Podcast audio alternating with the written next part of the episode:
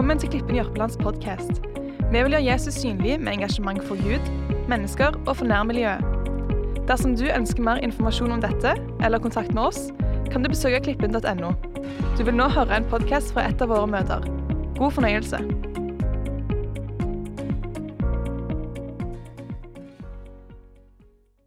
Oversettes her, for her står det 'klippe', men i den bibelen jeg leste, så står det 'fjell'.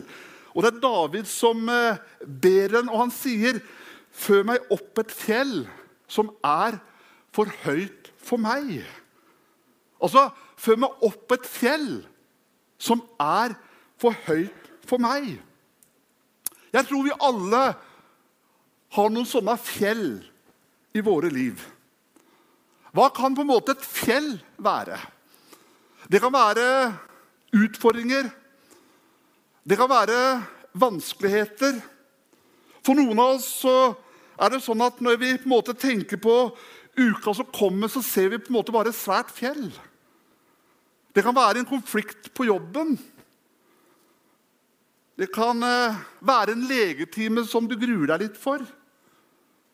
Det kan være en operasjon du skal ta. Det kan være en tøff samtale du skal igjennom. Og så kan det være en telefon du skulle ha tatt for lenge siden, som du ikke har tatt. Eller den SMS-en som ble sendt til deg, som du burde ha svart på. Eller alle disse uleste maila som du vet at dette burde jeg svart på. Kanskje også det handler om dette budsjettet du ikke klarte å få helt i land. Altså Det kan være en del forskjellige fjell som vi har framfor oss av vann og problemer. Og så tenker jeg at dette her med ensomhet er også vanskelig. De sier at en av vår tids største lidelser det er ensomhet. Det er å være aleine. Det er ikke denne gode, selvvalgte ensomheten der vi på en måte velger å være alene og trekke oss litt unna, søke stillheten i kortere eller lengre perioder. Det kan jo være deilig, det. Å være litt vekk fra Elin. Nydelig til tider. Men det er ikke den jeg mener. Det kan være denne destruktive, denne gnagende ensomheten som tar livet av så mange mennesker. Denne følelsen av å være på en måte totalt overgitt til seg sjøl. Ingen å dele med. Ingen å dele sorger med, ingen å dele gleder med. Ingen på en måte å regne med. Ensomhet jeg tror det kommer ofte av rotløshet, som igjen fører oss til rastløshet. Undersøkelser viser at hvis ikke vi har eh, relasjoner til andre mennesker, noen som på en måte virkelig forstår, noen som bryr seg, så har vi to-tre ganger større sjanser for en tidlig død. Fire ganger større sjanse for å bli følelsesmessig utbrent. Fem ganger større sjanser for å få dype depresjoner. Og ti ganger større sjanse for å få psykiske og følelsesmessige lidelser. Men, men fjell det kan også være noe positivt. Kanskje du på en måte har en eh, stor sjanse foran deg. Du har en eh, stor mulighet som på en måte ligger eh, foran deg noe du på en måte virkelig ønsker å få til, en, en topp som du ønsker å nå mer enn noe annet. Jeg tror vi alle er på en eller annen måte på ekspedisjon i livet. Og jeg tror vi alle har noen sånne fjell som er for høye for oss. Og jeg tror også én ting til. Det er at vi alle har begrensninger. På en, annen, på en eller annen måte så har vi eh, funksjonshemninger.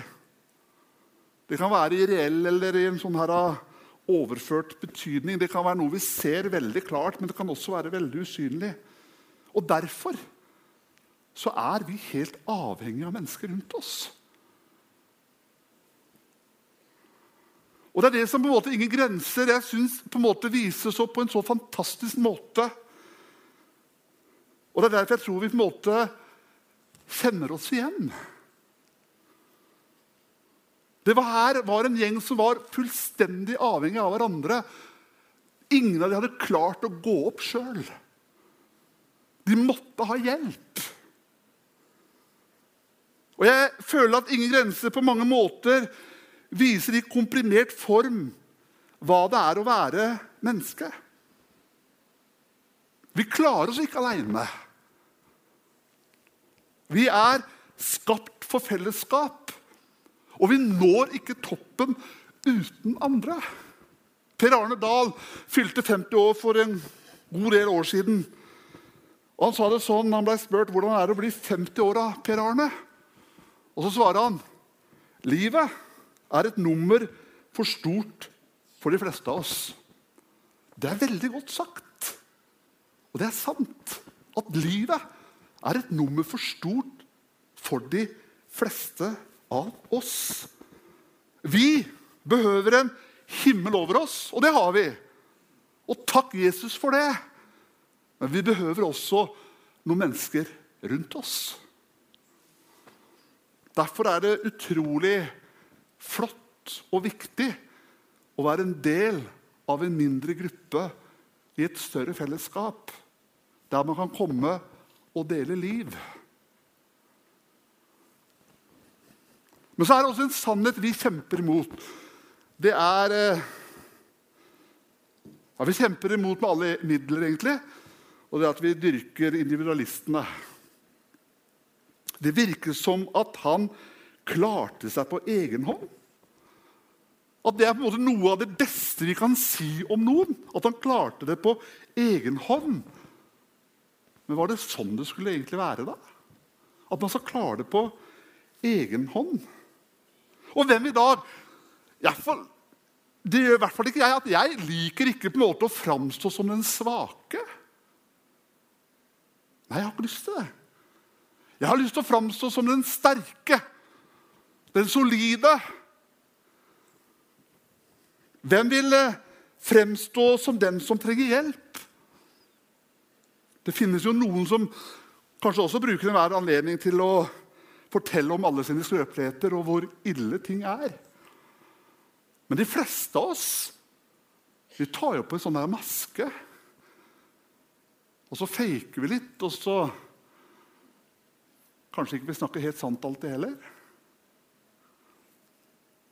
Jo, det går fint. Det går veldig fint. Det har aldri gått så fint. Jeg har det bra. Jeg er ikke avhengig av noen. Men min opplevelse er at det er vanskelig å spørre om hjelp. Og hvorfor er det sånn? Vi skal på en måte klare oss selv. Vi sikrer oss på alle mulige slags måter. Birgit Skarstein, som var med på dette programmet med Lars Monsen i 2009, hun vant Livsvernprisen til menneskeverd nå i 2019. Sitter i rullestol. Hun eh, ble lam fra liv og ned pga. en badeulykke og en sykehustabbe. Og etter det så satt hun i rullestol. Og hun sier, 'Jeg hater å spørre om hjelp.' Men det må vi gjøre nå. Alle på turen må spørre om hjelp på et eller annet tidspunkt. Men jeg vil prøve å klare meg selv først, og så spørre om hjelp etterpå. Ja, hvorfor er det så vanskelig å spørre om hjelp? Kanskje er det fordi man føler seg mindreverdig.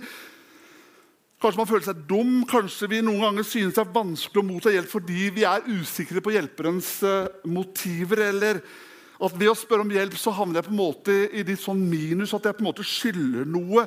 Jeg skylder den som hjelper meg noe. Og så opplever man at man havner i det man kaller en sånn takknemlighetsgjeld. Kanskje det er derfor det er også veldig populært å oppsøke hjelp som man betaler for. Det er veldig mange forskjellige terapeuter. Man kan få ganske mye hjelp der ute. Men vi kan også få veldig mye hjelp her inne. Dette spørsmålet til kollegaen til arbeidskameraten, til de vi har rundt seg i menigheten. Det kan være venn, det kan være nabo, det kan være kona eller barna og familien. Vet Du hva? Du, jeg trenger litt hjelp. Jeg trenger litt hjelp. Men så lager vi jo sånne systemer, apper, teknologiske løsninger Det er klart at Når jeg sitter her og ringer og jeg skal inn på et eller annet kontor og jeg klarer ikke å finne ut av det og jeg sitter tre timer i, i, kø, og det første de sier når de endelig tar telefonen, det er at dette her kan du finne ut på Internett. Det er kjedelig, men jeg har lyst til å snakke med deg. Ha en prat. Fortell at dette er et problem. Jeg trenger din hjelp. Vet du hva? Noen ganger så tror jeg det er viktig å ha tid til å hjelpe. Hvorfor er det vanskelig å spørre om hjelp til en filleting? Vi menn spør jo aldri om veien. Det er jo et nederlag, det. Vi skal klare oss sjøl. Det er vanskelig å spørre om hjelp. Vi er eh, alle på ekspedisjon. Vi har alle våre fjell som er for høye for oss. Vi lurer alle på veien. Vi trenger noen gang til å banke på noens rute og be om hjelp. Vi trenger å spørre erfarne folk. Jeg har lyst til å ta deg med på en uh, beretning i Bibelen i Markus' uh, evangeliet, kapittel uh, 2 og vers 1 til og med 12. Og der leser vi. Noen dager senere kom Jesus igjen til Kapernaum, og det ble kjent at han var hjemme. Det samlet seg så mange at det ikke fikk plass, ikke engang utenfor døren. Mens han forkynte ordet for dem, kom de til ham med en som var lam. Det var fire mann som bar ham, men de kunne ikke komme fram til ham pga. trengselen. Derfor brøt de opp taket over stedet der han var, laget en åpning og firte ned på båren som den lamme lå på. Da Jesus så deres tro, sa han til den lamme sønn, syndene dine er tilgitt. Nå satt det noen skriftlærere der, og de tenkte med seg selv hvordan kan han si slikt? Han spotter Gud. Hvem andre kan tilgi synder enn én? Det er Gud. Straks visste Jesus i sin ånd at de tenkte slik, og han sa til dem.: Hvorfor går dere med slike tanker i hjertet? Hva er lettest å si til den lamme, syndene dine er tilgitt, eller stå opp, ta båren din og gå? Men for at dere skal vite at menneskesønnen har makt på jorden til å tilgi synder, og nå vender han seg til den lamme jeg sier deg, stå opp, ta båren din og gå hjem. Og han eh, reiste seg, tok straks båren og gikk rett ut for øynene på dem. Så alle ble ute av undring. De priste Gud og sa noe slikt har vi aldri sett. Dette er en historie om eh, noen menn som kommer eh, bærende på en lam mann på en båre. Og Denne lamme mannen hadde åpenbart noen fjell i livet sitt. Vi vet ikke hvem det er som tar uh, initiativet i historien. Er det den lamme mannen som har ligget i veikanten og som har banka på, på noens rute og ropt om hjelp? Kan noen hjelpe meg? Det vet vi ikke. Er det bærerne, disse mennene som uh, går forbi og sier vet du hva, vi skal ta deg med til Jesus? Vi har hørt gode ting om Jesus. Vil du ha hjelp? Er det de som bærer vennene hans? Vil den lamme mannen til Jesus, eller er det, det, det de som bærer, som vil det? Det vet vi ikke. Men det vi vet, det er at det er et bærelag. Et bærelag. Og så vet vi også at de møter noen utfordringer, noen fjell, på veien. For Jesus var ikke innen rekkevidde. Det var så mye folk der. Det var så mye støy. Så noen i bærelaget får en smart idé. Minst en av dem er en uh, mulighetstenker, og han var sikkert fra Fredrikstad. Det ordner seg. Og Så klatrer de opp på taket. Så kan man si ja, men der var det sikkert flatt tak. det var lett å komme opp der. Men allikevel å gå opp på det taket med denne båra, ta et rom, eller gjøre et rom på taket for å få denne båra ned Da snakker man om en spektakulær inntreden du kommer ikke seint til møtet når lovsangen nesten er ferdig. Og Så setter du deg langt bak, og så går du lenge før møtet er ferdig. Men her kommer de rett foran Jesus. Og så står det at da Jesus så deres tro, altså troen til eh, bærelaget, troen til de på taket, så sa han til den lamme Venn, syndene er deg tilgitt. Og etterpå så ble han helbreda. Og da Jesus så deres tro, altså troen til de som bar Ja, vi er alle på ekspedisjon. Alle har vi fjell som er for høye for oss, og vi er alle lamme, og alle trenger vi noen som bærer oss en gang iblant. Og så var det ikke bare den som ble båret, som kom nærmere Jesus, men også de som bar. De fikk også erfare Gud på en måte de aldri før hadde gjort. For det er i fellesskap og pga. fellesskap vi får erfare fullt ut hvem Jesus er. Jeg tenker på at denne Historien om denne lamme mannen var et bilde på hva et kristent fellesskap er. Hva en menighet er. Det er et bærelag. Et fellesskap av mennesker som hjelper hverandre til Jesus, og som innser for at jeg skal ha alt det Gud har for meg i dette livet, så er jeg fullstendig avhengig av noen andre. Ingen slike fellesskap er perfekte, ingen slike fellesskap er fullkomne. Men man kan finne Jesus der, og han er fullkommen. Og Jeg synes også denne serien Ingen renser på en fantastisk måte viser hva fellesskap handler om, og hva og hvordan en menighet burde og skulle være. At vi alle kan være med og bidra til å skape og være en del av et slikt bærelag. Og I et sånt fellesskap så er det ikke slik at det er noen av oss som er sterke, og så er det noen som er svake. Det er ikke sånn det er. Vi er alle her inne sterke og svake på samme tid. Vi kan både bære og bli båret samtidig. Tilbake til Birgit Skarstein. Hun ble intervjua i A-magasinet og svarte på, på begynnelsen av turen så nektet jeg å la andre lide for min skade. Etter hvert så, så jeg at det slo negativt ut for gruppa. Jeg forsto at mitt problem var gruppas problem. Jeg måtte innse at jeg ikke var noen fysisk ressurs.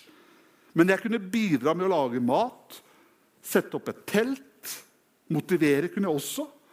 Og mine ord ble like sterke som de andres muskler. Hva er dine muskler? Hva er din styrke? Tenk at Gud han er opphavet til all kreativitet. Gud eh, kopierer ikke. Han skaper ikke to mennesker er like. Ikke to fingeravtrykk er like. Ikke to løvblader er like. Ikke to snøkrystaller er like. Han har en enorm forskjellighet, og det er det også i denne menighet. Har du en eh, begrensning som alle egentlig vet om, men som du på en måte nekter å erkjenne, slik at det går utover alle de andre? Er det han eller hun som skal, bare skal være den sterke, og som derfor aldri har opplevd hva virkelig fellesskap kan være? Ethvert fellesskap er avhengig av at noen byr på seg selv, også på sin svakhet. Og man skal komme noe dypere enn det overfladiske. Et genuint fellesskap det oppstår kun når noen tør å være til bry. For i et fellesskap så er man takknemlig for det de andre har av ressurser. Jeg har lyst til å komme med tre utfordringer her nå.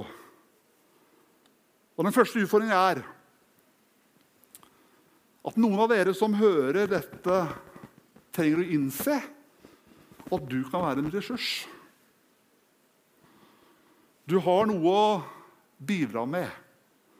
Du er verdifull. Du er unik. Du har noe. Kanskje er det ikke på samme måte som før. Kanskje du ikke lenger kan gå, men du kan i overført eller reell betydning sette opp et telt, lage mat eller komme med oppmuntrende ord. Uansett hva som er din situasjon, uansett hvor mange fjell du måtte ha foran deg, så kan du være til hjelp for noen. Kanskje du etter dette møtet i dag, skal ta en telefon, sende en oppmuntring eller et spørsmål Kanskje du skal besøke naboen eller noen andre. Kanskje skal du tilby noen hjelp.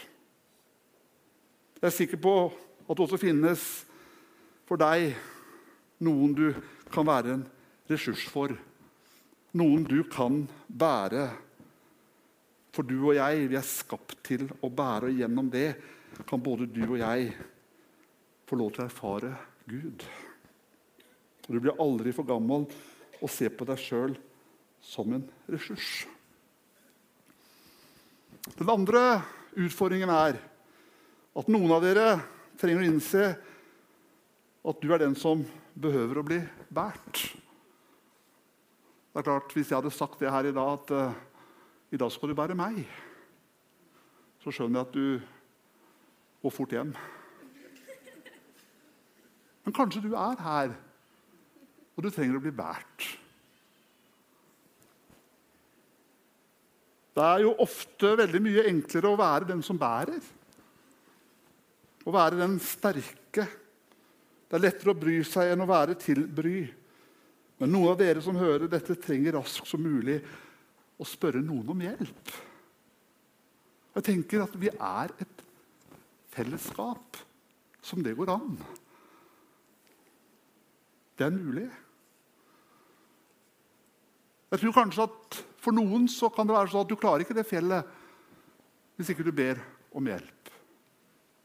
Men det er noen som ønsker å gå opp til det fjellet sammen med deg. Og over det fjellet. Vi er her.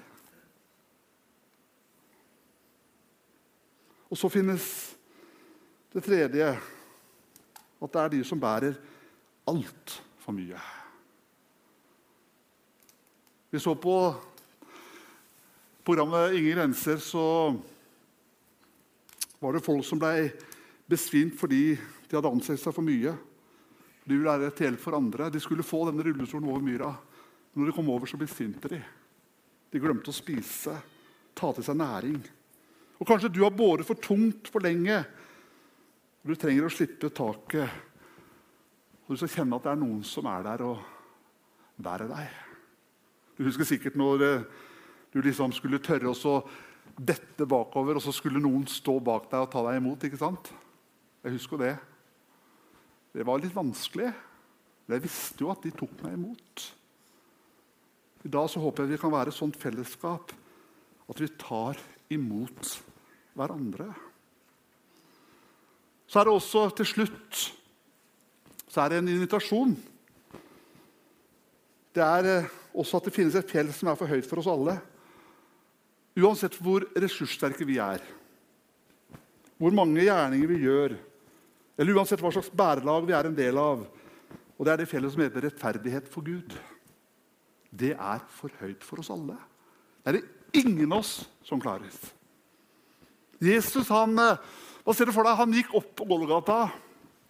Han gikk via Dolorosa. Hadde dette store korset bærende, tornekrona på hodet. Klarte ikke å bære korset alene. for en som kom, Simon fra Kyrene som kom ved sida og bærte korset for ham. Men han gikk hele veien opp til Golgata, og det var opp til Golgata. Det er ingen høy høyde, men det var opp. Nå tror jeg ikke at på en måte strekningen var det verste for Jesus når han gikk via Dolorosa, men jeg tror det verste for han var det han tenkte han skulle gjennom. Men han gikk. Han gikk opp til det fjellet for deg. Han gikk opp dit, og så ga han sitt liv for at ingen av oss skulle måtte bære vårt liv og vår synd og vår historie alene. Der ga han sitt liv for at ikke vi skulle måtte, måtte ta oss sammen eller fake eller ljuge eller bestige religiøse regelberg. Men for å frelse skulle bli fritt, tilgjengelig, gratis for alle som vil. Det er bare å spørre og si takk. Så lett er det. Og Jesus han hadde ingen grenser for uh, kjærlighet og raushet. kjærlighet mot dem som kom til han og var ærlige om sin situasjon og sitt liv. Men de som prøvde å ta seg sammen, de som spilte skuespill, de som ville frelse seg sjøl, mot dem så var han knallhard. Til Jesus så kan vi da komme akkurat slik som vi er. Og han møter oss akkurat der vi er, som vi er. Håper dette budskapet har vært til inspirasjon og veiledning. Flere podkaster finnes på klippen.no og iTunes. Du er hjertelig velkommen til en av våre gudstjenester. Snakkes der.